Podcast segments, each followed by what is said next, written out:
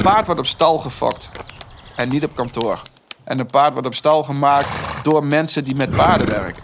En niet door eh, een paar mooie namen achter elkaar eh, zetten en dan, dan een veiling en ze helemaal in de lak zetten en dan verkopen. Nee, wat mij stoort, echt stoort vandaag de dag, is dat de echte fokkers, die sneeuwen onder bij de commerciële fokkers. Er zijn eh, commerciële fokkers die alle lijntjes uit hun hoofd kennen, precies weten hun dat en dat, het nichtje en zusje van. Maar ze kunnen nog geen paard logeren of een, of een hoofdstel in doen. Willem Greven groeide als zoon van de bekende dierenarts Jan Greven op met paarden. In zijn jeugdperiode reed hij met zeven verschillende ponies en paarden 10 EK's. Na de HAVO vertrok hij naar Henk Noren, waar hij ruim twee jaar in de leer was. Daarna volgde het ondernemerschap, de watermolen bij Jeroen Dubbeldam en nu thuis in Markelo. Zijn erelijst is te lang om hier te benoemen. Met de keur Henks Karambol reed hij zijn eerste EK bij de senioren. Met Cypria S maakte hij in Tokio zijn Olympisch debuut. Op 11 WK's voor jonge springpaarden won hij met vier verschillende paarden medailles. Verleden jaar werd hij Nederlands kampioen met de KWPN Hengst Highway TN.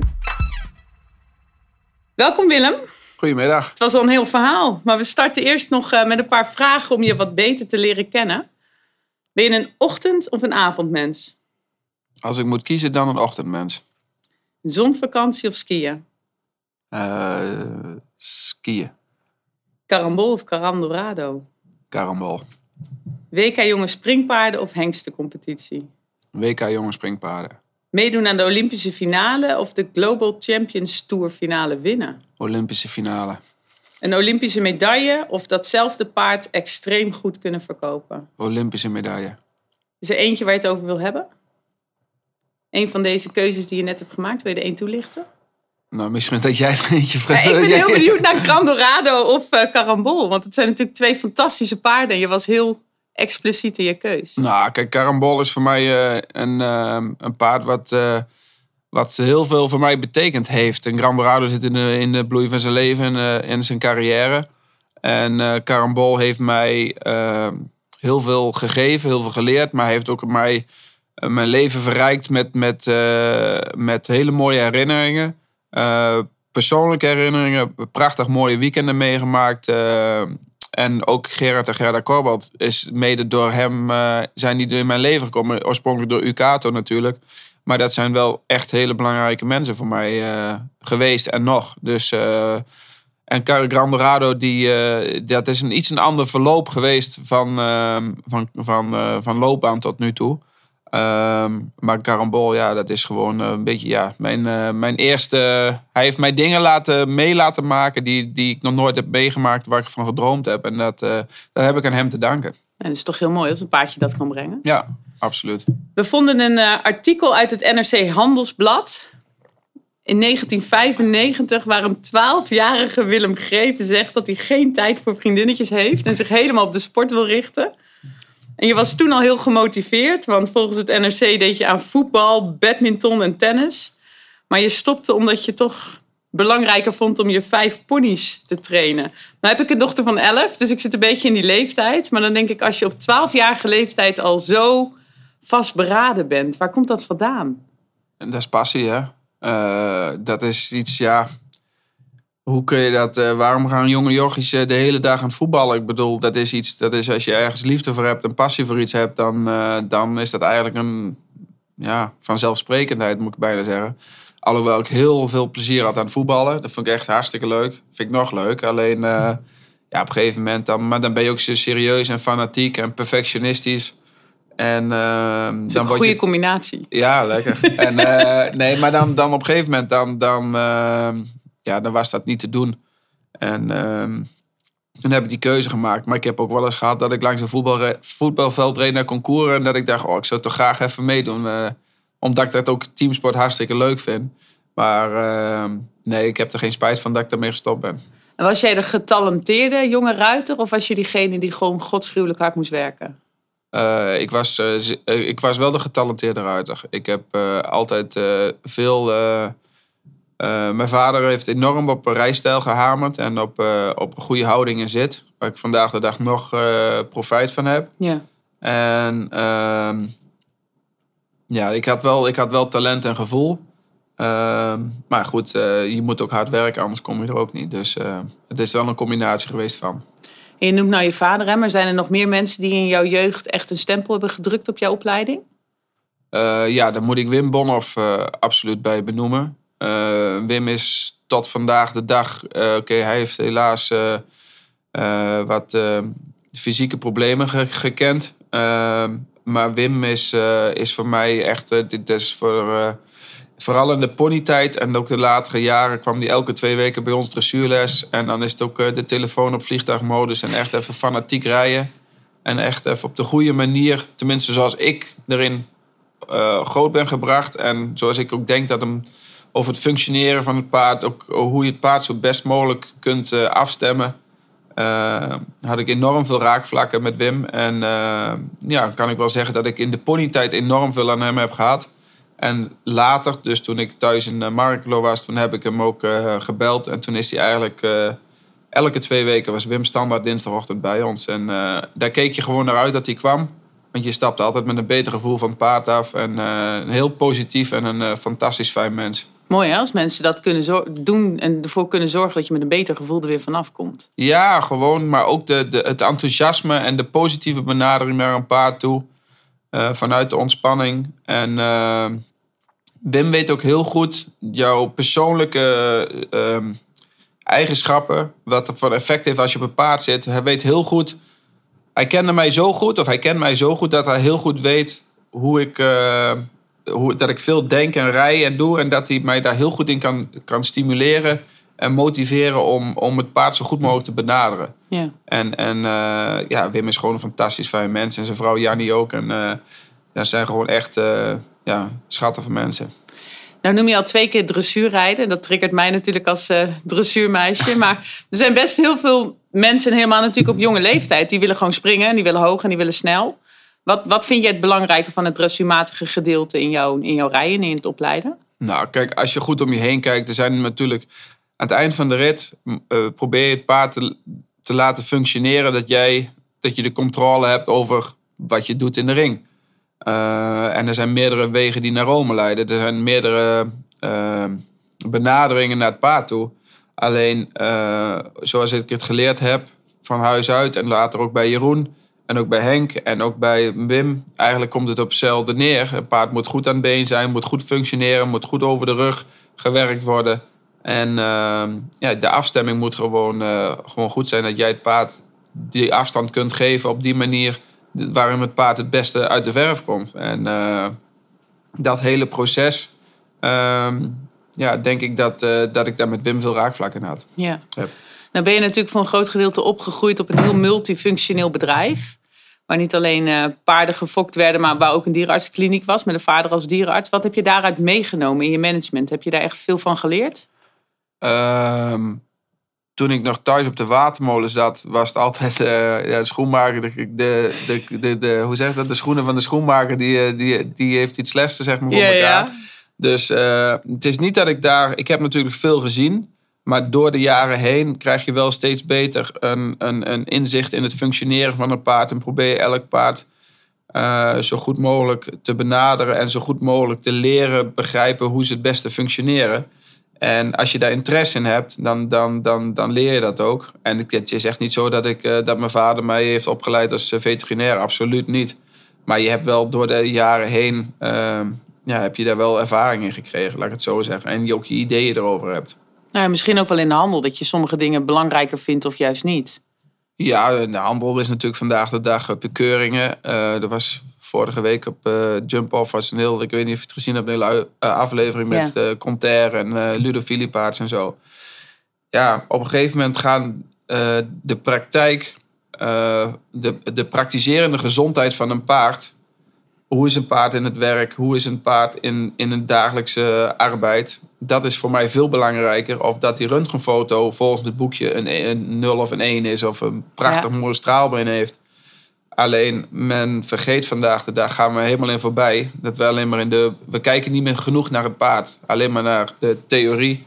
Hoe het volgens de boekjes zou moeten zijn. Maar men moet naar het paard kijken. En dat is, dat is wat ik in vandaag de dag in de praktijk. Um, wel probeer goed, uh, goed naar te kijken. Ik heb eventjes als voorbereiding een beetje op je website rondgekeken. En dan doe je volgens mij heel veel dingen. Er staat een enorme lijst met paarden die door jou gescout zijn en verkocht zijn. Je bent heel actief in de topsport. We hebben twee jaar geleden of vorig jaar liep er een, een veulentje... wat door jou gefokt is, wat hier kampioen werd. Hoe krijg je dat allemaal gecombineerd? Ehm, tja, dat is uh, ten eerste dat is zo gegroeid door de jaren heen. Uh, de handel met Amerika is, uh, is, ehm, heeft zich enorm ontwikkeld. In die zin dat ik me ge, rijk voel met, met goede mensen daar. En, en ik denk dat dus de wisselwerking tussen de, de klanten in Amerika en hier... dat het heel goed verloopt. Ik ben niet de persoon die elke verkoop of aankoop op internet zet. Um, sommige mensen hebben dat liever wel, sommige mensen hebben dat liever niet. Maar ik ben er liever wat discreter in. Um, de fokkerij, dat veulentje wat hier kampioen werd, uh, wat was het, de, de, mees van de watermolen. Daar moet ik de credits naar mijn vader geven. Want dat lijntje van uh, Celine, dat, uh, die, fokkerij, dat gebeurt allemaal op de watermolen. En mijn vader is dan nogal, ja, die vindt dat mooi. Het is een, van ouds nog een keuringsman. Dus ehm, ja, van mij, het maakt mij niet heel veel uit of een vullentje wel of niet op een, op een keuring loopt. Maar die credits zijn voor hem. En ja, voor de rest probeer je je te omringen door goede mensen. Want ik kan ook niet alles alleen. En, en dat lukt aardig goed. Wat ik heel mooi vond, er zit een kopje sponsoren op. En daar hangen een aantal bedrijven onder die jou ondersteunen. Maar je had er ook een hele mooie zin op staan dat je de eigenaren en de mede-eigenaren van de paarden wilde bedanken. En ik denk dat dat ook wel heel mooi aangeeft dat het voor jou belangrijk is met wat voor mensen je samenwerkt. Ja, dat is uh, ja, door de jaren heen um, heb je de, de, de steun van de eigenaren. En het is niet dat ik enorm veel eigenaren heb. Maar of je het nou hebt over uh, of, uh, of de paar die ik met mijn vader samen heb, of Team Nijhoff, of uh, Gerrit en Gerda Corbelt, of wie dan ook, of wie ik dan ook niet noem. Maar ehm, ja, je moet een win-win situatie hebben met elkaar. Of met jongens waar je paarden mee samen hebt. Of ik reizen en, en die anderen hebben een klant of andersom. Samen kun je meer. En dan, dan ja, is het onderaan de streep voor iedereen ook gewoon beter. Alleen uh, dat moet wel gewaardeerd worden van, van beide kanten. Ja, en ik vond het mooi dat je dat deed. Het viel me op. Ik denk van ja, dat, dat zie je niet altijd gebeuren. Terwijl het natuurlijk uiteindelijk de mensen die de paarden aanhouden en wegzetten... zijn wel essentieel voor wat je in de sport kan. Ja, kijk, er zijn natuurlijk in Nederland... we hebben het altijd over, we verkopen alles, we verkopen alles. Maar uh, wij hebben ook eigenaren in Nederland die uh, ze ook aanhouden. Sterrenhof, familiecompagne van Mark. Wim van der Leegte, die nou met Leopold van Asten een fantastisch paard zelf gefokt heeft. Iron of Iron. en zo nog vele anderen. Maar ook Henk Frederiks, die, hoe heet de beste man van Doorn, het Lunteren, die de Impian fokt. Dat is misschien niet de volgende Olympiadekampioen. Maar die man, zulke mensen, die hebben wij wel nodig. Ja. Die heeft dat paard als vierjarige naar Henk gebracht. Henk heeft hem helemaal opgeleid. En ik was er toevallig bij in Ugehalne dat die Henk geen nul in de landen was. Die man staat gewoon te huilen. Ja. Die, dat, is, dat, dat vind ja, ik mooi. Je krijgt er gewoon kippenvel van. Dat is het mooiste wat er. En ik zeg gewoon en de Henk. En dan denk ik, god, die Henk, Henk is een wereld, wereldkerel. Die heeft zes jaar dat paard opgeleid. Elke oefenrondjes en dan droom je ervan. En dan rijdt hij boven in Denemarken. En die man is erbij. Ja, dat zijn, en dat paard wordt waarschijnlijk niet verkocht, maar die houdt hem ook aan. En, en dat zijn mensen en dat, dat zijn situaties die wel gewaardeerd moeten worden. Ja, dat is uiteindelijk ook de passie waar het om gaat, waarom je het met elkaar vol kan houden. Ja, met elkaar. Ja. En, en dat, is, uh, dat is denk ik wel een, uh, een, een groot goed. En dat moet gewaardeerd worden. Ja.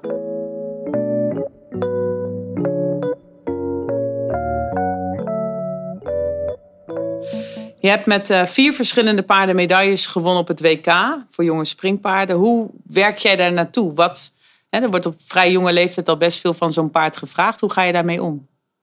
Uh, ja, hoe ga je ermee om? Het is niet zo dat je. Kijk, de WK in is een ongelooflijk evenement. Uh, het is een beetje roulette om in de finale te komen. Uh, de vijfjarigen moeten twee keer foutloos zijn. De zesjarige is, uh, dat doen de 240 beginnen er of zo. Dus dat is al, om in de finale te komen is al wat. En dan moet je in de finale een beetje het geluk van de, van de dag hebben natuurlijk. En ik heb gewoon het geluk gehad dat ik toch met goede, echt goede paarden... en dat is later ook gebleken, met goede paarden daar aan de start ben geweest. Ja, dat scheelt wel een hoop natuurlijk. Ja, want een heel aantal van die paarden die je daar hebt gereden... die zijn uiteindelijk onder jou of onder ruiters waar naartoe ze verkocht zijn... gewoon tot 1,60 doorgebroken. Die hebben het hoogste niveau gelopen. Ja, dat, eh, dat klopt. Eh, die vier, als ik het goed zeg, het is het Uselin, Grand Dorado, Formidabel en Garant. Ja. Ja, en dan was het twee keer tweede in de Cyrus. Maar die vier, ja, dat zijn gewoon 64 paarden geworden. Maar dat zijn ook paarden waar ik echt in geloofd heb. En het is niet dat ik daar naartoe heb ge- gewerkt en dat maandag na Lanaken de boel in elkaar dondert, bij wijze van. Maar dat zijn gewoon, die paarden waren gewoon eh, en zijn gewoon echt hele, hele goede paarden. Dus dat is ook op dat moment eh, voor mij geen verrassing dat ze daar goed springen, maar gewoon een bevestiging van hun kwaliteit. En kijk jij per paard of het past in hun opleiding op dat moment? Of is het gewoon iets als het een goed paard is, past het dan? Ja, als je dan. eh, je gaat, ik, ik wil wel naar Lanaken gaan dat ik een goede kans heb met een goed paard. Ja. Maar Garant heb ik voor het eerst in zijn leven. Die had ik nog maar drie, vier maanden. Maar die heb ik voor het eerst hard gereden in Lanaken in de barrage. Dat is de eerste keer dat ik hem hard Ja. liet. eh, En als het dan goed gaat, dan is het fantastisch. Maar als ik een balk in de barrage heb, is het voor mij nog steeds een goed paard. En dan eh, wordt de wereld niet heel veel anders van. Alleen het is heel mooi natuurlijk als het lukt. Ja, als het lukt, dan is het natuurlijk uiteindelijk fantastisch. Is het eh, WK een mooie voorspeller voor de kwaliteit wat een paard heeft? Is het echt wel een soort van kweekvijver voor de toekomst bij het Ah, springen? als je in Lanaken drie, vier dagen rondloopt, dan zie je toch echt wel hele, hele goede paarden springen. Dus eh, de, het, is wel, het, is wel een, het is echt sport op zondag, daar die finales. Dat zijn wel echt serieuze proeven. En eh, ja, dat, dat zijn, er is te vaak dat daar paarden die daar in de finale mee hebben gelopen, die je later in de sport ziet. Ik kan me één jaar herinneren. Toen liepen Clooney, Gazelle, ehm, All In, Bacardi. Die liepen Ja. allemaal in één finale van zeven jaren. Dat is gewoon, de, de kwaliteit daar is gewoon abnormaal. Ehm, En die zie je dan later ook gewoon op het hoogste en die zie niveau je terug. later ook wel terug, ja, absoluut. Ja, dat is wel heel mooi. Ehm, we hebben hier natuurlijk de KWPN-kampioenschappen. Dat is de selectie eh, die we uiteindelijk gaan doen voor Lanaken, waar de KWPN-paarden afgevaardigd worden. Ehm, dat hebben we een aantal jaar bij Tops gedaan. Ja. Nu is het verplaatst eh, richting Exlo met dan weer het voornemen om het eh, weer hier terug te brengen. Is het voor jou belangrijk waar het plaatsvindt? Ja, ik vind het een, eh, eigenlijk te gek voor woorden dat het niet in Ermelo is. Het, het gaat er niet om of Valkenswaard mooier is of dat Exlo of de Pilbergen. Maar wij hebben hier als leden van de WPN en van de KNS... eh, hebben met z'n allen dit, dit enorme complex gebouwd. En dan zijn we te gast bij Jan Tops in de tuin. Omdat het daar, omdat hier toevallig... Ja, het kan er bij mij niet bij dat de- agenda's van de KWPN en de KNS... niet naast elkaar neer kunnen gelegd worden. En zeg, jongens, die week eh, maken we er een feestje van met elkaar. Ik snap niet, ik, daar kan ik niet bij. En voor jouw dan- gevoel moet het een gemeenschappelijker belang zijn. ja, dat kan toch zo mooi. Dat was toch zo'n mooie week. Je kunt toch in de derde week augustus of eh, de week met de fokkers. Dan, dan is het ook een vereniging. En dan verenig je ook de mensen. De, de, de sport, de handel, de fokkerij. Ehm, waarom kan dat in Fontainebleau, eh, Le Grand de Cement zijn? En waarom zou dat hier niet kunnen? En we hebben dit hele, dit hele complex staat hier. Ja. En dan maak je dan, dan, dan, en dan ook gewoon op zondagmiddag de finale. En dan met me. Ja, ik, daar kan er bij mij gewoon niet bij. En natuurlijk zijn er mooiere accommodaties en mooiere pistes. En dan maak het dan laagdrempelig, toegankelijk voor iedereen. Want als je dan hier komt, je moet dan een tientje betalen om op de weiland van de KNS te staan. Want dan moet de WPN van de KNS weer huren. Dan denk ik, jongens, echt. Het is, waarom makkelijk doen ook als het moeilijk kan? Zo elkaar zo. En daar kan ik, bij mij kan dat er niet bij. Dan denk ik, je kunt hier zo'n mooie week hebben met elkaar. En eh, dat de fokkers en de ruiters en de handelaren en de, iedereen bij elkaar, dat je het verenigt. Ja, Uiteindelijk moet het een clubhuis zijn voor de ruiters en de fokkers. En met elkaar. Paardensport Nederland. Ja, en dan heb je dan een, eh, een, eh, in, in Ermelo of in Valkenswaard het springen. En dan ergens anders. En dan heb je voor mij de dressuur wel hier. Ja, die waar- hier, ja, dan wel hier. Ja. Ik vond het altijd prachtig mooi om hier, eh, om hier met die jonge Ja. paarden de, te rijden. Nou, het voornemen is om het weer te gaan doen. Dus laten we hopen dat dat wat jij Ja, graag wil, dat we dat voor elkaar krijgen. Ja, ik ben het, eh, ik ben het met je eens. Ehm, een heleboel van jouw toppaarden zijn hengsten. Dat begon eh, met, met Creole. Nou, wat je al zei, hè, Carambol is eigenlijk heel erg bepalend geweest voor je loopbaan. Ehm, nu doe je het goed met Grand Dorado, met Highway. Wat, wat brengt het voor een extra uitdagingen met een hengst? Want ik zie, hè, ik kom uit de dressuurwereld, maar dat het managen van een hengst in alles wat hij moet en wat er verwacht wordt en wat hij dan ook nog in de sport moet doen, dat dat best wel een aantal uitdagingen meebrengt. Ehm, allereerst moet je een hengst ook behandelen als een paard. Dus dat die hengst komt ook gewoon in de wei. Die krijgt ook zijn werk en zijn aandacht. En de ene hengst heeft meer werk nodig dan de ander. Ehm, ik ben van huis uit natuurlijk opgegroeid met hengsten. Mijn vader had hengsthouderij thuis, dus ik, ik weet ook niet beter. Een hengst, eh, een deel van een hengst in eigendom hebben is, als hij goed genoeg is voor de sport, ook een fijne bijkomstigheid dat de dekkinkomsten komen. Dus het mes snijdt aan twee kanten. Kan je misschien wat langer aanhouden? Ja, hou je hem aan. En als hij dan goed vererft, zoals eh, enkele van die hengsten die je net noemt doen, dan, dan, dan, heeft het ook geen, dan wil je hem ook niet verkopen. Want dan heb je de, in de lengte der jaren het plezier van met Ja. elkaar. Ehm, de druk die er soms op die hengsten ligt, dat is soms wel wat vermoeiend. Eh, de afgunst en de kift onder de mensen is soms eh, ook heel vermoeiend. En daar word je soms wel eens flauw van. Eh, ik kan het heel goed hebben als een ander een, een goede hengst heeft. Ik vind het niks mooier als een goed paard. Tuurlijk heb ik hem liever zelf, maar als een ander een goed paard heeft, dan kan ik het goed hebben. Als eh, Grand Slam VDL van de week de landenwedstrijd wint in La Bol, dan stuur ik Janko een berichtje. Dat vind ik mooi, want dat zijn mensen van de sport. Maar ik kan het heel slecht hebben dat, dat mensen, dat, dit is een beetje een afzijcultuur. En ehm, ja, ik vind dat eh, dat is. eh, en en eh, misschien doe ik er soms zelf ook aan mee dat je. We zijn soms te negatief kijken naar een paard. Maar de druk die op hengsten ligt, en met name op Gran Dorado, die druk die altijd op, rond die hengst gezweven heeft. eh, daar moet je eigenlijk niks om geven, maar toch hou je er stiekem wel rekening mee. En dat is eigenlijk, eh, vind ik dat, dat is niet goed. Maar het is wel menselijk dat je die druk voelt. Ja. Maakt het voor jou uit, qua topsport, brengt een hengstje meer dan, dan een ruin of een merrie? Is het anders? Ja, het is... Kijk, uiteindelijk die echte topsport, als je die echte grote concoursen doet, eh, dan is het een, een, een samen. Dan moet je zo'n goed ingespeeld team zijn. Eh, dan moet je je hengst goed kennen of je paard goed kennen. En ik denk dat een hengst, eh, als je een hengst één keer aan je zijde hebt, dat dat dan ook goed is. Maar je moet daar ietsjes anders mee omgaan dan met een merrie bijvoorbeeld. Ja. Ehm, Maar je hebt ook wel eens merries, toch? Want Ja, ja, je noemde net Celine, maar daar komt volgens mij Eline uit. ja, ja, Dan heb jij eh, even toch hoog mee gereden. Ja, ja. Maar dat is weer met hengst en merries. Dat is per paard is dat gewoon verschillend. En eh, alleen de druk. Kijk, als Gran Dorado een keer de twee af heeft, dan zeggen ze, hoe kan dat nou? En als Highway Nederlands kampioen wordt, oh, hij springt er toch makkelijk over. Dat is toch een hele andere eh, benadering hoe er naar die hengsten gekeken wordt. Ja.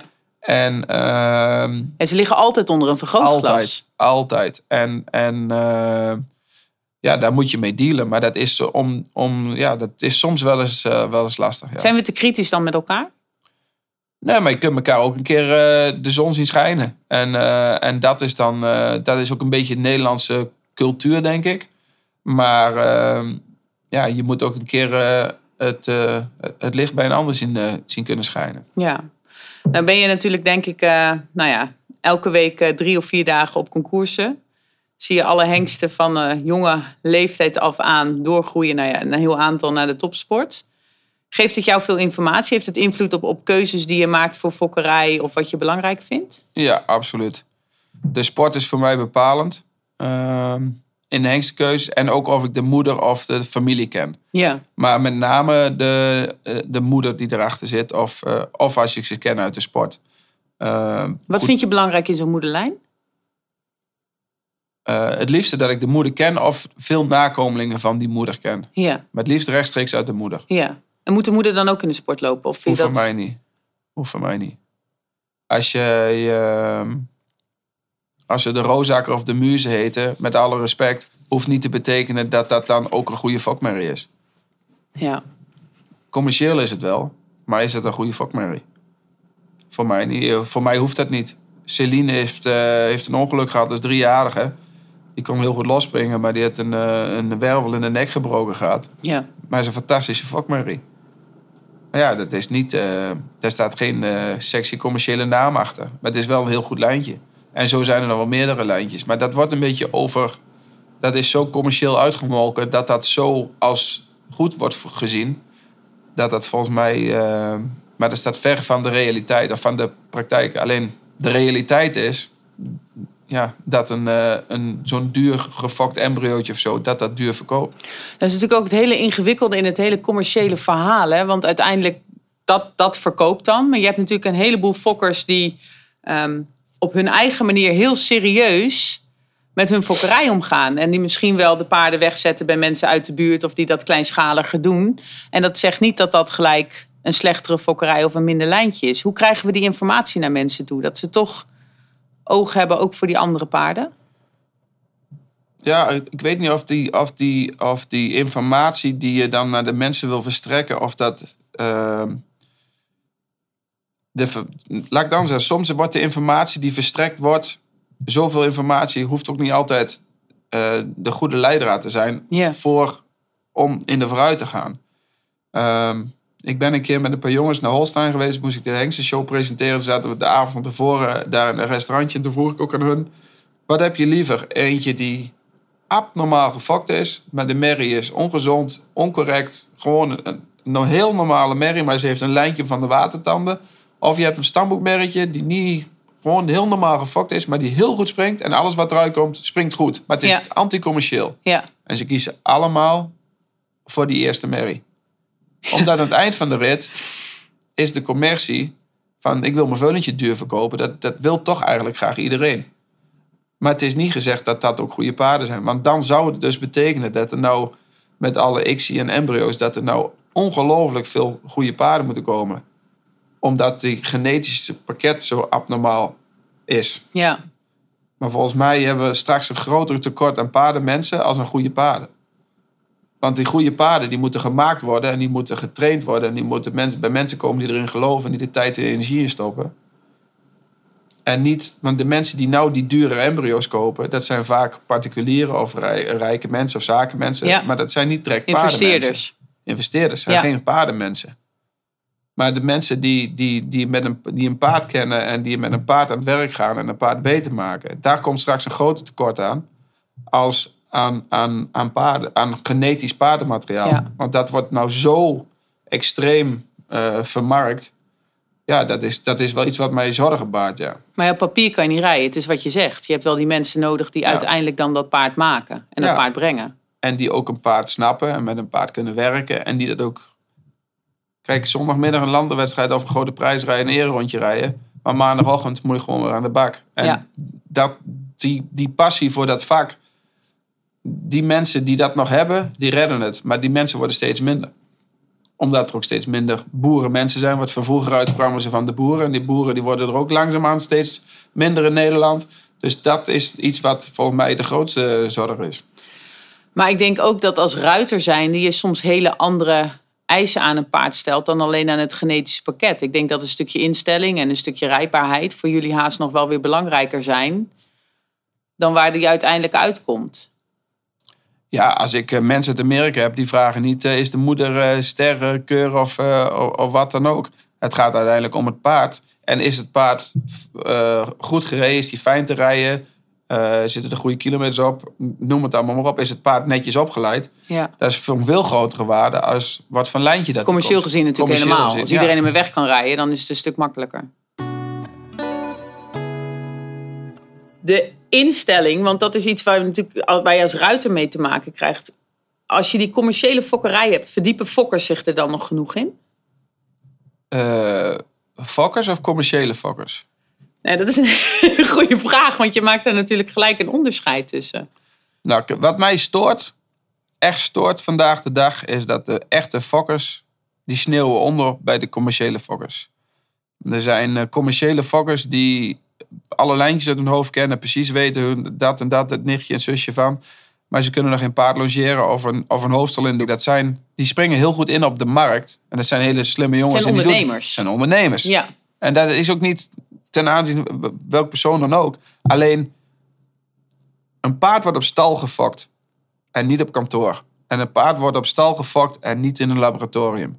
En een paard wordt op stal gemaakt door mensen die met paarden werken. En niet door eh, een paar mooie namen achter elkaar eh, zetten en dan, dan een veiling en ze helemaal in de lak zetten en dan verkopen. Nee, dat, dat, en dat, dat was zo, dat is zo en ik ben ervan overtuigd dat het zo blijft. En die commerciële fokkers springen er heel goed op in. En die andere kleinere fokkers die het echt het passie doen met hun merries en, en dan die, ja, die, eh, maar hoe gaan die nu overleven? Hoe houden die het vol? oh, die blijven, die, zolang die generatie er nog is en wordt wel overgenomen door de zoon, maar die, die, de oudere generatie van echte fokkers, eh, die doen het nog steeds uit liefde voor het paard en uit liefde voor het, het, ja, het, die veulentjes in de wei zien lopen en ze op zien groeien. En dan, ja, dan, dan zijn daar veel voorbeelden van, van mensen die... eh, en die fokkers, dat is ook de kracht van het stamboek, denk ik. En die fokkers moet je in ere houden. Ja. En ik denk dat dat heel belangrijk is. En die fokkers moet je ook goed informeren en, en, en, en goed bijstaan in hun keuzes. En, ehm, ja, en ik denk dat dat de, de grote kracht van het stamboek altijd geweest is. Die kleine fokker. Want die kan ook niet op tegen dat grote commerciële geweld. Nee, maar die wil dat misschien ook wel helemaal niet. Die vindt het veel mooier om dat op zijn eigen manier te blijven doen en te staan waar hij in gelooft. Eh, ja, en die volgen ook een beetje hun eigen... Je moet wel een beetje eigenwijs zijn. Ja, zeker. Ja. Nou, ehm, als ik naar, naar de fokkerij kijk, hè, tussen de dressuurpaarden of de dressuurhengsten en de springhengsten zit een heel groot verschil. Dressuurhengsten, de, sommige dekken 200, 300 merries voordat ze überhaupt goedgekeurd zijn. Een hengst kan hier een springhengst de verrichting lopen met hele hoge punten de verrichting uitkomen. En die krijgt een aantal merries in zijn eerste jaar. Dat begint pas op het moment dat hij nou, wat 1,40, 1,50 loopt en dat met goed gevolg doet. Dat hij meer kansen in de fokkerij krijgt. Moeten wij daar met de hengstenselectie iets mee met het springen? Ja, er zijn meerdere factoren, denk ik. Punt 1 is de keuze van een fokker heel moeilijk. De hype rondom een hengst is heel moeilijk in kaart te brengen. Soms is het tamtam om een hengst heel groot. En soms hebben ze, als ze hoe, minder er ze van weten, hoe mooier als dat ze het vinden. Want dan is het iets, onge- dan, dan is het iets aparts. Ja, Ehm, de springpaarden, daar weet je pas eigenlijk van hoe ze zijn als ze 8, 9, 10 zijn. De aanleg 4, 5, 6 jaar is natuurlijk leuk, maar echt, de echte sport begint pas op die leeftijd. Dus dat duurt heel lang voordat je weet hoe de vererving is. Ehm, ik ben een maand of twee geleden bij Coolmore geweest, de Bellidoy, de volbloedjes. Die weten bij 18 maanden al ja, hoe goed ze zijn ja. die, die, dat, dat tijds, dat tijds, En de generatieinterval is veel kleiner. Die generatieinterval is veel kleiner. Ja. Die dekken alleen natuurlijk, maar die zijn veel eerder en sneller bij hun doel. Dus die gaan ook veel sneller in de vooruit. Ja, Letterlijk en figuurlijk. Maar. Dus dat is al, die, die, die interactie is veel korter.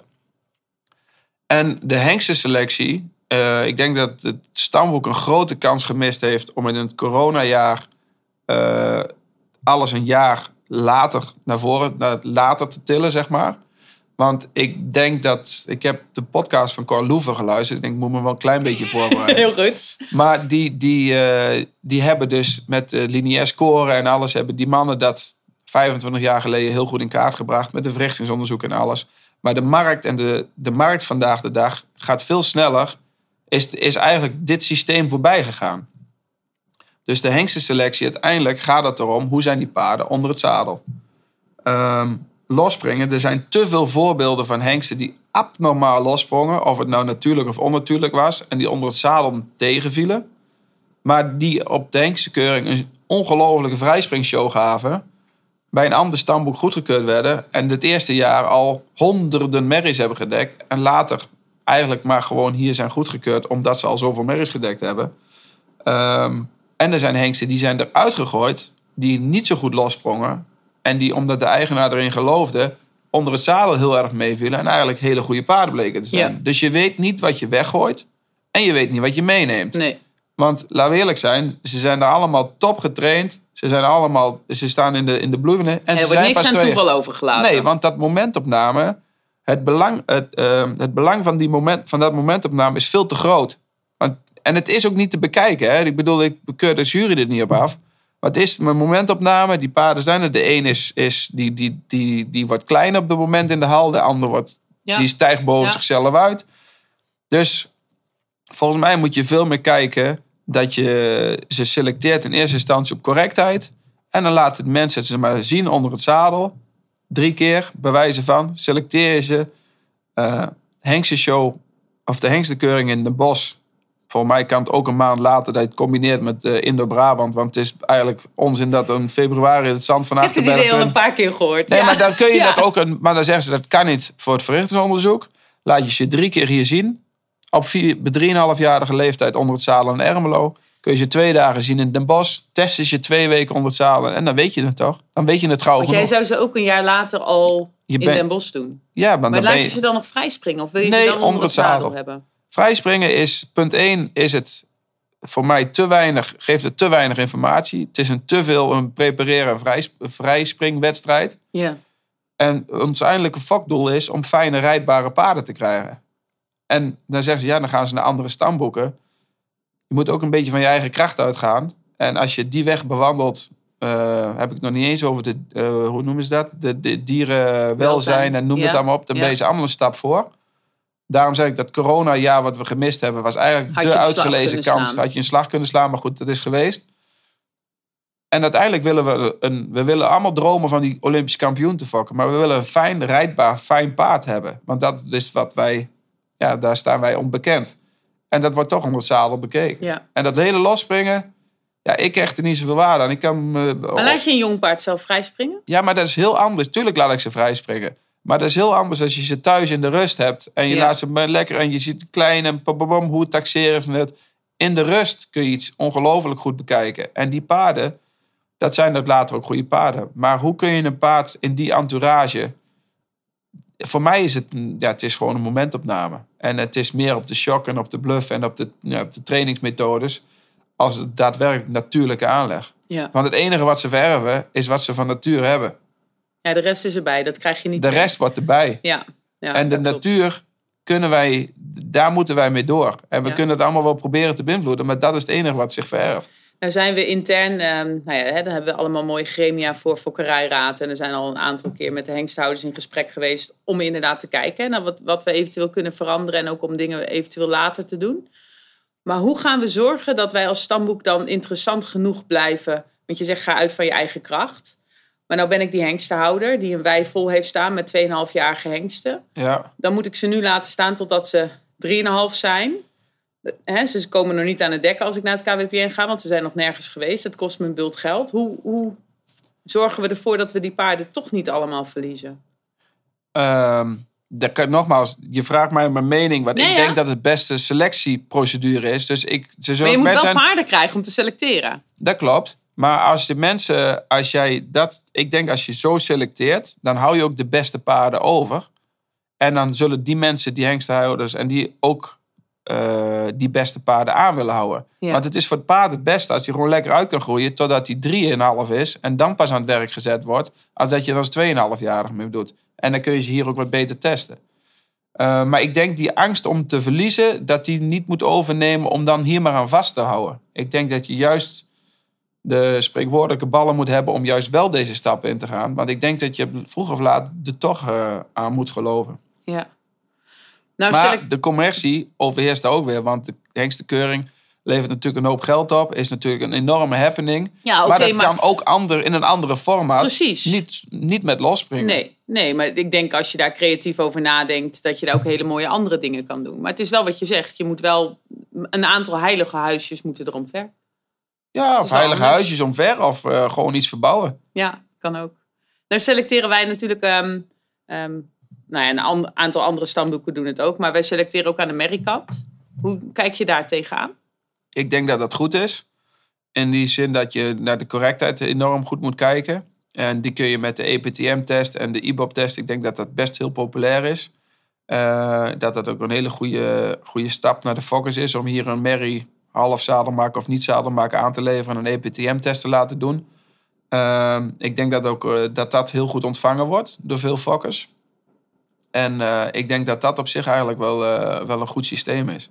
Vind je het belangrijk dat fokkers een soort van basisinformatie over hun merrie hebben voordat ze ermee gaan fokken? Of zeg je van nou, Een echte goede fokker weet genoeg van zijn eigen merrie. ja, Die kent zijn merrie goed genoeg, en denk die heeft ik. verstand genoeg om daar zelf keuzes Ja, in maar te als je maken. als stamboek daar een richtlijn in wil geven, dan is zo'n EPTM-test eh, is, is daar een goede, goed handvat voor. En want oké, je gaf net aan, zoals Celine, die had een ongeluk gehad. Maar in principe, als een merrie gezond is, vind je het wel belangrijk dat ze zelf gereden is voordat er wat mee gedaan wordt qua fokkerij? Nou ja, een jonge merrie kun je wel een keer laten dekken als het, als het goed springt, als het goed losspringt en eh, een correcte merrie is. Ehm, en, en een goede merrie hoeft, een goede fokmerrie hoeft geen top sportmerrie te zijn. Maar als die stam goed sport heeft, dan is dat wel belangrijk. Maar ook elke fokker moet wel in de gelegenheid zijn om dat te kunnen financieren en, alles. Maar ik denk wel het belangrijk is dat je een goede merrie met een goede merrie begint. Ja. We hadden het net natuurlijk al eventjes over de, de commerciële fokkerij. En dan nou ja, de, de gewone fokker die, die het mooi thuis doet. En in de stal en de veulentjes daar geboren. En iedereen eromheen. Er wordt natuurlijk heel veel gebruik gemaakt. Met name bij het springen. Bij de dressuur zien we nou ietsjes meer van de nou ja, moderne voortplantingstechniek. Om het zo te zeggen. Embryotransplantatie en ICSI. Ja. Gaat het ons in de toekomst veel brengen? Of denk je van dat dat houdt op een gegeven moment weer op? Of het ophoudt, weet ik niet. En of het ons veel gaat brengen. Financieel gezien zal het eh, oh, sorry, voor veel mensen wat brengen. Maar of het een voortplantings- of een vermeerderingstechniek is, ehm, dat zal de tijd uitwijzen. Ik heb, doe er zelf ook wel wat uh, met wat merries, uh, embryo spoelen en alles. Ik denk dat dat, nog, dat, dat dicht bij de, dichter bij de natuur ligt dan ik zie. Ja. Ehm, en ik denk ook dat die natuurlijk, dat is nog een natuurlijke bevruchting. Daar zijn er meningen, verschillen daarover. Ehm, maar dan kan het nog uh, een heel genetisch interessant veulen zijn.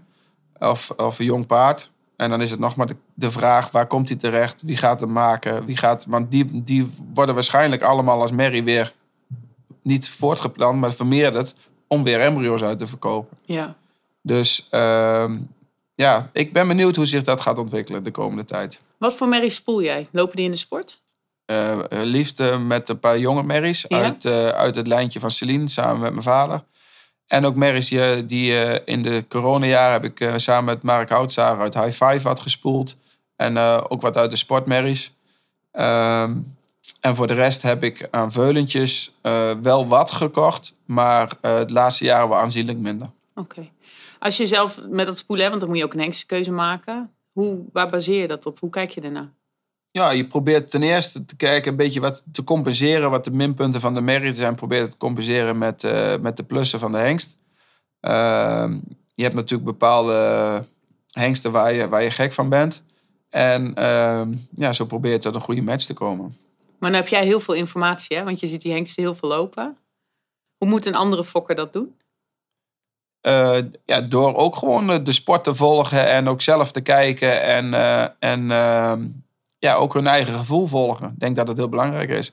Goed voorbeeld is Mees van de Watermolen. Die, ik had Van An gezien op Henkse show, of op Henkse, op concours in Valkenswaard volgens mij. En toen had ik mijn vader aan de lijn. Ik zei, god, dat is echt een fijne hengst. Mooi model en goed te rijden. En toen heeft hij die Merriam weggedekt. En dat is dan Mees geworden. Yeah. Maar hij had, er nog niet, ja, had hem nog niet op op zijn eh, scherm, zeg maar. Nee.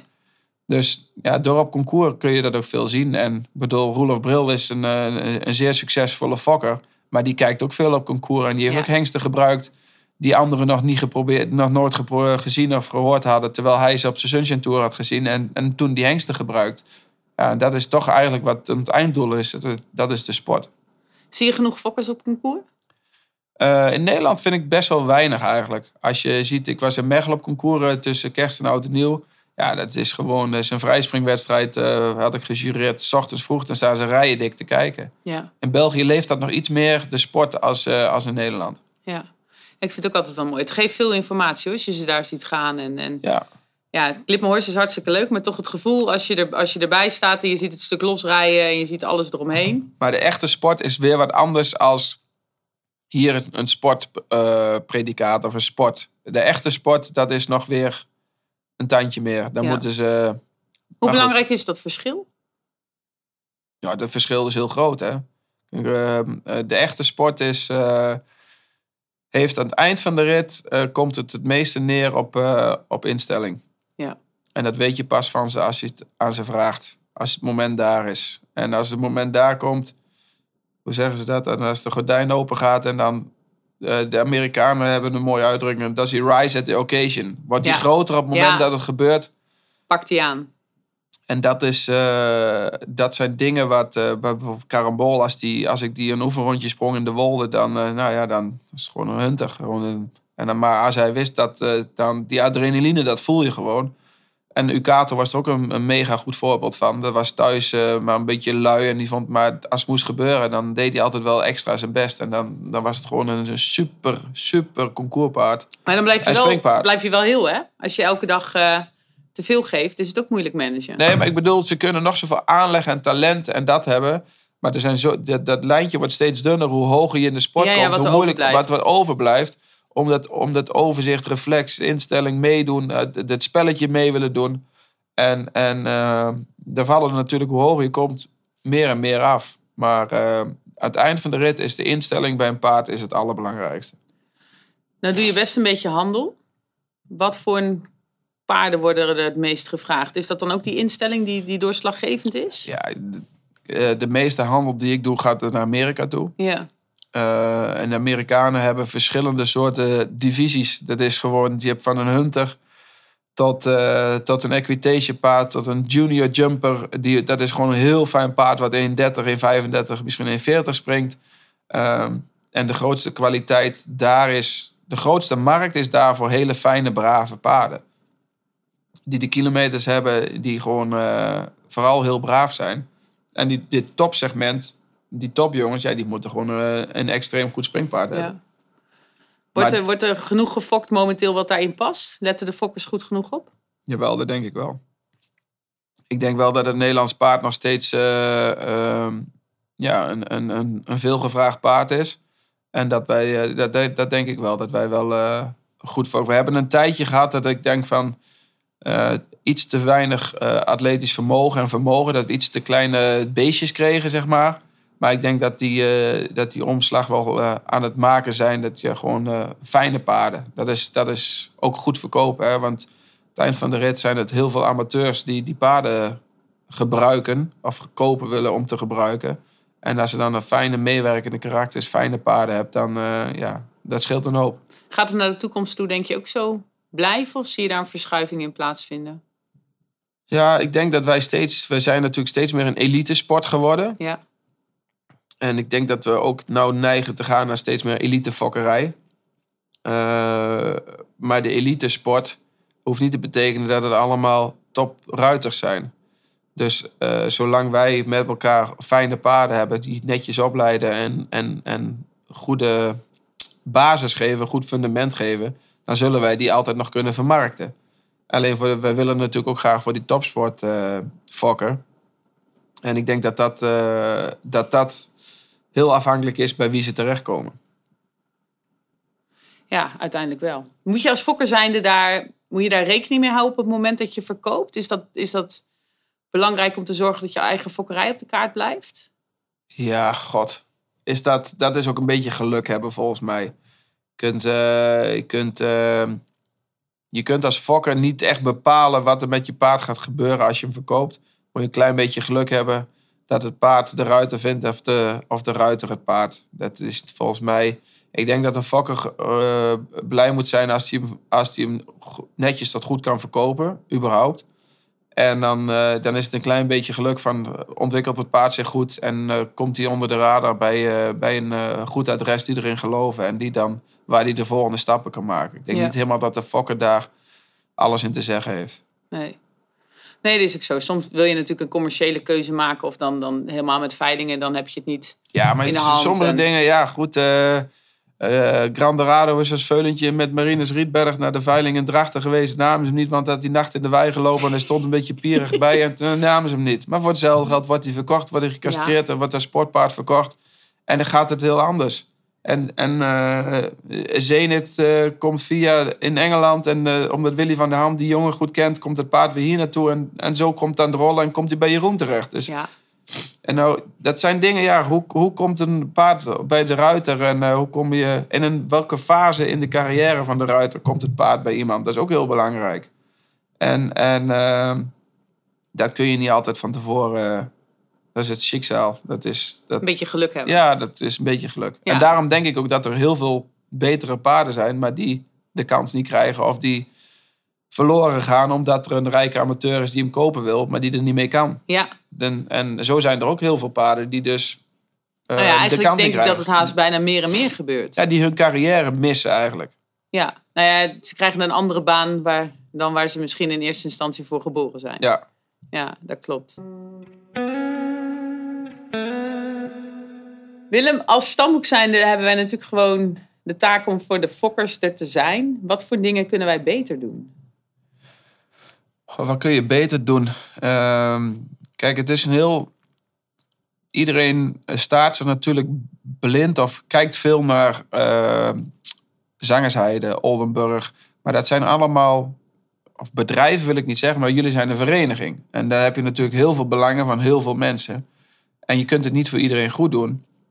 Maar ik denk dat vandaag de dag dat het. eh, ehm, eerder bepaalde de, de, het stamboek de, de markt. Die zegt, die weg gaan we bewandelen en dan eh, dat gaan we doen en zo hoort het en zo gaan we doen. Maar de markt heeft, het is nou omgedraaid. De markt is, is heel snel geworden. Ehm, Je had en, eerst ook meer je eigen identiteit. Er was een KWPN-paard en er was een Holsteiner en Ja. een BWP'er. en dat is allemaal zo met elkaar verweven en verwaterd. En, en het, het stamboek houdt zich ext- extreem vast in het, het ehm, in geven van informatie en, en het ehm, becijferen van de praktijk. Met allerlei tools en noem het allemaal maar op. Eh, en ik weet niet of, of het stamboek daarin doorgeslagen is, als ik heel eerlijk ben. Kijk, het, de- daadkracht van een zangersheide, als die morgen zeggen we gaan rechtsom losspringen, dan gaan ze dat vanmiddag al doen, bij wijze van. Ja, dat is het voordeel als je in een bedrijf bent. dat is, en dat is het Ja. klein beetje. Het is een klein beetje een log orgaan. Maar de tijden zijn veel sneller geworden. En, en, en de tijd heeft het stamboek een klein beetje ingehaald. En dat is geen kritiek, maar dat is meer een constatering. Ja. Kijk, als je vandaag eh, geen tijd om naar de supermarkt, je kunt eh, online tandpasta bestellen. En het is de volgende dag, is het er. Maar wij moeten dat alle, dat gaat bij het stamboek gaat het over zoveel verschillende schrijven en zoveel verschillende. Dat, dat soms heb ik het idee dat ze daarom een beetje achter de muziek aanlopen. En dan duurt het wat te lang. En, en, en jullie hebben een hele discussie gehad met de hengsthouders over die fokwaarden en, en, en dat alles. Ik weet niet of het heel veel toegevoegde waarde heeft om alles wetenschappelijk te willen onderbouwen of te willen weten. Ehm, omdat blijkt dat uit die uitslagen van, of uit die, genoom, die fokwaarden en dat wat er nou is en de praktijk, als dat nou één op één, dat je denkt, hé, hey, op papier klopt het wat de praktijk is, maar volgens mij schuurt het daar nogal. Ja, maar is dat dan ook niet... Kijk, zoals fokwaarde bijvoorbeeld, dat is momenteel natuurlijk helemaal een hot item. Dat is iets wat, eh, weet ik hoeveel jaar geleden is ontstaan... waar toen een bepaald systeem voor bedacht is. Nou, ik denk als we 10, 20 jaar terug in de tijd gaan... dan was het ook een hele andere praktijk. En ik denk ook dat dat hele gebeuren wat nu plaatsvindt heel goed is... omdat we juist met elkaar weer moeten herrijken... en moeten zeggen van, met de praktijkmensen... van wat is nu belangrijk en hoe moet je dat inwegen... om uiteindelijk wel dichter bij die waarheid te komen. Want het is een beetje Maar waar wat is de waarheid? Nou ja, kijk, Is de waarheid wat jullie op papier zetten? Of Nee, is de waarheid wat in het veld gebeurt? Maar als je dat nou wat op papier komt, dicht bij dat wat in het veld gebeurt krijgt. Want dat is een beetje het stukje waar we net over hadden. Jij ziet al die paarden, je belt je vader op en je zegt: Oh, ik heb daar een hengst gezien, zo fantastisch, daar moet je een keer iets mee. Maar we hebben natuurlijk een heleboel mensen die niet in staat zijn om overal te zijn. En als je dan een middel kan creëren wat 100% de praktijk is een illusie, dat snap ik ook. Maar wat er wel heel dichtbij staat, kan het wel een hulpmiddel zijn. En de waarheid zal het niet zijn, maar het zou kunnen helpen. Ehm, Jij hebt het niet nodig. Want jij weet het. het zit, bij jou zit het in je DNA, het zit in je hoofd. dat klopt, deels. Alleen ik, dan, dan moet het, die informatie die dan gegeven wordt, moet wel eh, conform de praktijk Ja, zijn. maar dat En- is nu en de taak. En dat is, kijk, en al die mensen, waarom maken al die, die hengstenhouders zich zo druk? Omdat als ze heel eerlijk zijn, ze allemaal een oranje kloppend KWPN-hart Ja. hebben. En al die mannen, of het nou mijn vader is, of Wiepke van der Lagenweg, of Nijhoff, of Egbert, of al die mannen hebben samen dit stamboek groot gemaakt. Ja. En, waar, en, en dan vergeet ik Paul Hendricks. Maar waarom maken die mannen zich zo druk? Omdat hun eigenlijk allemaal een KWPN-hart hebben. En dan- het is jammer dat dat dan met elkaar eigenlijk als twee bokken tegenover elkaar staat te boksen.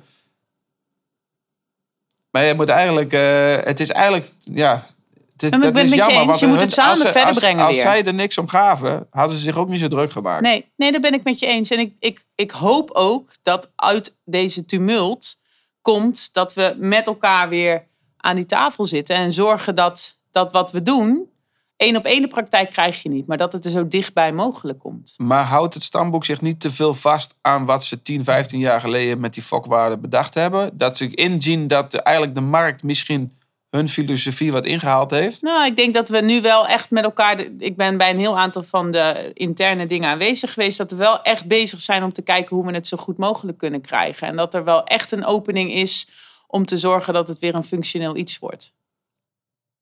De fokwaarde bedoel je? Ja, Of? het hele gebeuren eromheen. Ja. Ja. Kijk, want Ja. ik heb in de praktijk die echte fokkers in, Be- eh, de- eh, in België, daar hebben de, de, de, de fokwaarde, moet springen. Ja. En die hebben daar ehm, op, de, op de correctheid en op de gezondheid heel veel dingen gelaten. Maar hoofdzaak springen. Kijk, Joris de Brabander ik, ik, is voor mij een, eh, een, een fenomeen. En ik, ik, eh, ik kan er heel goed mee. En ik, ik kom er graag. En ik heb het heel graag met hem over de fokkerij. Hij heeft een paar hele goede merries gehad. Maar die zet gewoon alleen maar... Ja, wat, wat maakt mij uit hoe de gezondheid is? Ze springen toch in 60? En, en, en dat is... En dat Maar ja, dan wil je hem verkopen en dan komt die klant en dan moeten de foto's gemaakt worden. Ja, maar, maar kijk, dat is de extreme andere kant. Ja. Ik zeg niet dat dat de weg is die je moet bewandelen. Maar dat is eigenlijk de hele simpele redenering. Ik heb een in 60 merrie en ik zet er een in 60 hengst op. En, en die maakt geen één röntgenfoto. Nee. En dat is de extreme andere kant. En wij gaan extreem in de, in de, in de wetenschappelijke papierkwestie de andere kant op. Maar ik denk dat de waarheid ergens in het midden ligt. Maar ehm, uiteindelijk gaat het erom, wat wil je met elkaar fokken en waar wil je met elkaar naartoe? Ja. En, en eh, die hengsthouders kunnen wel zonder het KWPN, maar ze doen het liever niet. En KWPN kan eigenlijk niet zonder die hengsthouders. Maar ja, kijk, ik blijf En het het wordt mooiste geen vinden... padstelling, hè? Ik denk, Nee, maar dat moet ook niet. dat, Dat, moet eh, ook niet. En, en, en je moet echt, het moet het gevoel zijn dat je dit met elkaar blijft doen. Wat je net zei over, weet je wel, de Blomcup hier en dan KNS en KWPN samen. Dat is dit verhaal natuurlijk ook. Kijk, maar als ik weer hoor, want ik hoor natuurlijk links en rechts wel wat. Maar al die mannen met elkaar, ze vissen allemaal in dezelfde vijver. Ze willen allemaal hun hengst en dekken hebben, noem het allemaal. Maar in de basis zijn ze het allemaal met elkaar eens. Ja. En, en, en in de basis worden hun het allemaal nooit met jullie eens. Dus, nou, dat, dat durf ik echt niet te zeggen. of Ik niet in denk- de basis, maar in principe over dit onderwerp hebben jullie te veel. Het, is niet, het wordt niet gezien als een, als een, voor hun als een verrijking. Dat ze zeggen, hé, hey, komen nou met. eh, Nee, maar dan kom je weer op hetzelfde, hetzelfde uit. Ik heb het er met Paul Hendricks wel eens over gehad. Kijk, ik, ik vond het met Arnold altijd zo mooi. Nou, die kende jij heel goed, hè, Arnold Ja. Kootstra. Die had dat allemaal in zijn hoofd zitten. Die, die zei, ik heb het niet nodig. En dan zei ik, nee Arnold, maar jij ziet zoveel paarden per jaar. Jij weet precies wat welke hengst wel of niet brengt. Want jij doorleeft die praktijk zoveel dat het je eigen is geworden. Maar we hebben natuurlijk heel veel fokkers die dat niet hebben.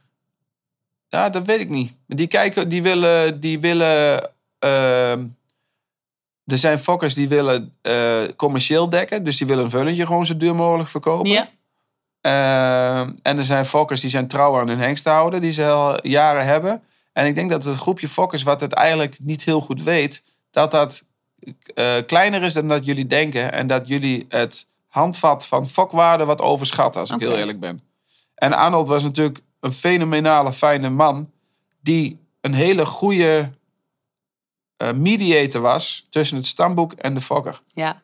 En die wist wat er leefde in het veld. Ja. En die dacht als een fokker. En die dacht, Nou, dat was een fokker. nee, maar dat was niet een fokker. Dat was een paardenman. Ja, En die wist wat er, ik kreeg gewoon kippenvel van. Die wist wat er leefde onder de mensen. En die kon zich ook druk maken om dingen wat misging. Ja. Maar die deed dat. En dan kom je weer over waarom je begint. Met passie. passie. En daar gaat het Ja. gewoon om. En Arnold begreep dat als geen ander. Ja. En die liep ook vaak tegen de, tegen, hoe moet ik dat zeggen? De, het ambtelijke of, het, eh, of, het, of het, de vereniging wat, wat hem niet snel genoeg ging. Ja. Dat de, de, te weinig korte klappen, te weinig daadkracht, te veel over te veel schrijven. Daar liep hij ook vaak tegenaan. Dat is ook wel eens het moeilijke, want je wil graag heel hard vooruit. Dat komt dat omdat Arnold altijd. heeft al vroeger bij Roelof zelf de winkel gedraaid. En die de pam, pam, pam verder. En dat Ja. deed hij. En dat was korte lijntjes. En hier duurt dat allemaal wat lang. En Ja. die vindt dit en die vindt dat. Maar die moet zo. En dan, dat duurt te lang. En Ja. dat, daar had hij wel eens moeite mee. Dus eigenlijk is jouw advies, zorg ervoor dat de lijntjes korter zijn, dat de klappen sneller kunnen, Juist. dat je vooruit kan blijven gaan. Ja, maar met, kijk, aan het eind van de rit willen we allemaal met elkaar dezelfde kant op. Ja. Maar je kunt niet iedereen aan, naar het zin maken. Maar Maar, je kan wel naar elkaar luisteren. Dat klopt. Maar eh, het moet, hoe moet ik dat zeggen? Het moet niet zo zijn dat een eh, wetenschappelijk onderzoek op een kantoor of papieren, de cijfers, bepalend zijn wat er in het veld gebeurt. Het, de markt, het veld, het, de, de, die bepaalt. Kijk, als een hengst Maakt niet uit welke hengst te houden. Als een hengst niet goed fokt. Of die heeft de kans gehad en Dan die fokt niet goed. plan wel. Die gaan echt niet die hengst promoten. Maar ondanks dat die bovenaan in de fokwaarde staat. Ze, dit moet je niet doen, want dat valt niet mee. Dat kan hè. Ik bedoel, eh, Ja, alles kan. het zijn niet allemaal schot in de rozen, super fokhengsten. Dan gaan die mannen echt wel zeggen van die wordt verkocht. Of, of, eh, of het is een super sportpaard en dat wordt eh, als sportpaard verkocht. Of ja, dat, die weten dat zelf donders goed. Want die willen ook hun weestaap of hun, hun, hun paarden verbeteren. Ja. Dus die gaan niet een hengst promoten die hoge fokwaarde heeft, maar die niet goed vererft. Dus eigenlijk is jouw advies ook nog aan de fokkers: gebruik je eigen ogen, ga kijken, zie wat er gebeurt. Tuurlijk. Tuurlijk. Maar een paard wordt, nogmaals, daar zijn we weer, wordt in het veld wordt het op, op stal geboren en, en gemaakt. En, en, en, en heb een goed, goede wisselwerking met, met, eh, met je hengsthouder. En kijk goed rond. Ja, En, en ik denk dat dat bepalend moet zijn. ja. En al die, nogmaals, die hengsthouders, die, die, die, negen, die negen dan, maar in principe allemaal, die weten echt wel van hun hengsten eh, wat goed vererft en wat niet. Als we naar de toekomst kijken, hè, want we hebben nou van jou een mooie tip gekregen waar wij eh, mee aan de slag kunnen. Wat gaat jou de toekomst brengen? Waar droom je nog van? Eh, iets minder paarden. Ik heb het een beetje te veel. Nee.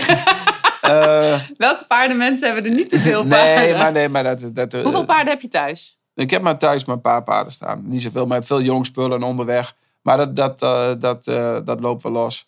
Nee, in principe, ik, ik, heb, eh, ik heb eh, sportief de droom eh, volgend jaar Parijs natuurlijk. Ehm Met? En voor- met? Gran Morado. Ja.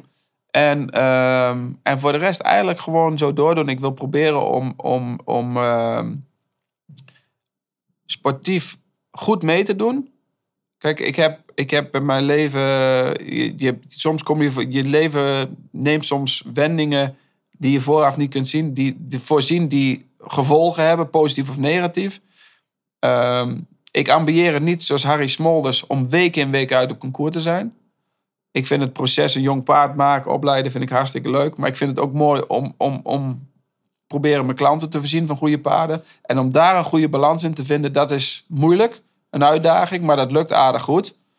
Eh, en, en dat is eigenlijk wat ik, eh, ja, wat, wat ik nou eigenlijk doe. Om dat nog eh, mooi eventjes door te doen. En dan, ehm, ja, ik hoef niet als ik er 60 ben nog week in week uit van hotel naar hotel op concours te hangen. Want dat heeft voor mij weinig ja, dat, dat, dat heb ik dan op een gegeven moment wel gezien. Maar het werken met een paard en een paard beter maken en, en, en, en proberen om, om, ehm, ja, om, om nogmaals goed voor mijn klanten te voorzien en om eh, een beetje bij de sport betrokken te zijn. Ja, dat is voor mij geen werk, dat is gewoon eh, mijn leven. Dus dat is, eh, en dan zal daarnaast de hengsten zou, zullen zeker een rol gaan spelen. Dat doen ze nou al, maar ja, dat is wel een klein beetje waar ik naartoe wil. Mooi. Ja, dat weet ik niet, maar Nou moet ja, iets te ik- dromen hebben. Ja, maar dat doe je goed, toch? Ja, dat weet ik niet. Probeer het. Ja. Ik vind, heel, ik vind het heel. ik vind de, wat ik heel mooi vind is, is dat, je, dat je. Het mooiste vind ik als je een jong paard hebt, een vijf of zes jaar, en je ziet er wat in en je gaat ermee aan het werk. En dan dat een paard eh, zo goed is als je denkt. En soms verrast is, dan zijn ze zelfs beter dat je denkt. Dat vind ik het mooiste wat er is. Als je een paard. Je, je, ja, je gaat met werk en je ziet dat paard een transformatie omgaan. Dat hij sterker wordt en beter wordt. En dat je denkt, goed, dat is. En als je zo'n paard dan of goed verkoopt en het doet het goed. ja. Of je reed, want die vraag vroeg je van verkoop je hem liever of rij je liever Olympische Spelen? Ja. Dan heb ik nog steeds liever Olympische Spelen, Ja. want dat is je sporthart. Alleen, ik heb altijd drang naar onafhankelijkheid gehad en zelfstandigheid, dus ik heb ze ook heel vaak verkocht. Maar als ik in Aken ben en ik rijd er zelf mee en BC wint met garante jonge paardenfinale, ja, ben ik zo trots als een pauw. ja. Dan denk ik niet, oh, ik wil er zelf op zitten, want dat vind, ik- vind ik machtig Voelt mooi. ook nog als eigen. Ja, dat is toch mooi? Ja. Ja, Maar daar Het is geweldig. Maar daar komt ook weer wat van. Snap Ja. je? Dat, komt dan Ja, weer terug en komt weer een ander paard. En dat, en dat is gewoon iets wat jarenlang duurt. Maar ja, ik hoop dat, dat de fundament wat de afgelopen, ja, hoe lang ja, 15 jaar, 16 jaar gelegd is, dat dat, ja, dat, dat fundament voor de toekomst, dat Dat gewoon, moois op kan bouwen. ja, dat dat gewoon Ja. mooi zo door kan gaan. En met leuk, goede mensen wat doen. ik kende jou natuurlijk eigenlijk helemaal niet, maar ik heb jou nou leren kennen. Ik vind je een beetje een verbinder. Ik vind het heel mooi hoe jij de verschillende dingen bij elkaar brengt. Maar ook als je zo over een paard spreekt, van het opleiden en het zorgen dat hij zijn opleiding goed krijgt, maar dan ook op een gegeven moment wel af durven staan, omdat het je op een gegeven moment ook weer wat anders kan brengen. Ja, ik kan, ik kan eh, eh, ja, verbinden wil ik niet zeggen, maar ik ben wel eh, heel reëel naar mezelf toe over mijn eigen paarden. Ik weet heel goed de plussen en de minnen van mijn eigen paarden. Ik ben niet staan, ik ben niet. Het grootste gevaar is als je bedrijfsblind wordt. En als je, je blind staat, dat alles. Want sommige mensen, de een heeft nog een betere krek als de andere. En Ja. abnormaal hier, abnormaal daar. Een fenomeen. Ja, er zijn niet zoveel fenomenen. Hè. Er zijn een hele hoop goede paarden en een hele hoop normale paarden. Maar fenomenen, dat zijn er niet zoveel. Maar ik denk dat dat belangrijk is. Dat je heel goed weet wat de kwaliteiten van je paard zijn. En dan ook denkt van, nou, die, dat je dat ook probeert naar je klant te brengen. Waar dat paard het beste uit zijn verf kan komen. Ja. ja, want dan heb je weer het beste resultaat. Want als je kunt beter goed een doen... paard wat 1,40 kan springen verkopen als een top 1,35 paard. Als, als een top 1,45 paard. Ja. ja, het succes is groter. Kans op succes. Nou ja, en, en je hebt een bepaalde. Kijk, als dat paard daadwerkelijk in 45 gaat springen, dan denk ik, nee, Dat is de meevaller. dat is de meevallen. Ja. Gaat de paard, ga je, zet je in en hij gaat in 45 springen, hij, hij kan niet hoger dan in 35 bij wijze van, Ja. dan is het een tegenvaller. Ja. En dat is toch een bepaalde Nou ja, mindset. Ja. Ja. Dus ik probeer, maar ik- ze zijn zoals ze zijn en ik wil daar ook, eh, en ik pak liever zelf reëel verlies, als dat ik een ander in de maag druk. Ja. Dat dan, zie eh, je. Ja, dat weet ik niet. Maar je Oh, moet ja. er gewoon... eh, en dat heeft door de jaren heen wel zijn vrucht afgeworpen. Ja. Nou ja, wij hopen gewoon dat we jou volgend jaar met Grandorade dan in eh, Parijs mogen zien. Dat hoop ik ook. Dat zou wel fantastisch zijn. Ja. Dankjewel Willem. Graag gedaan.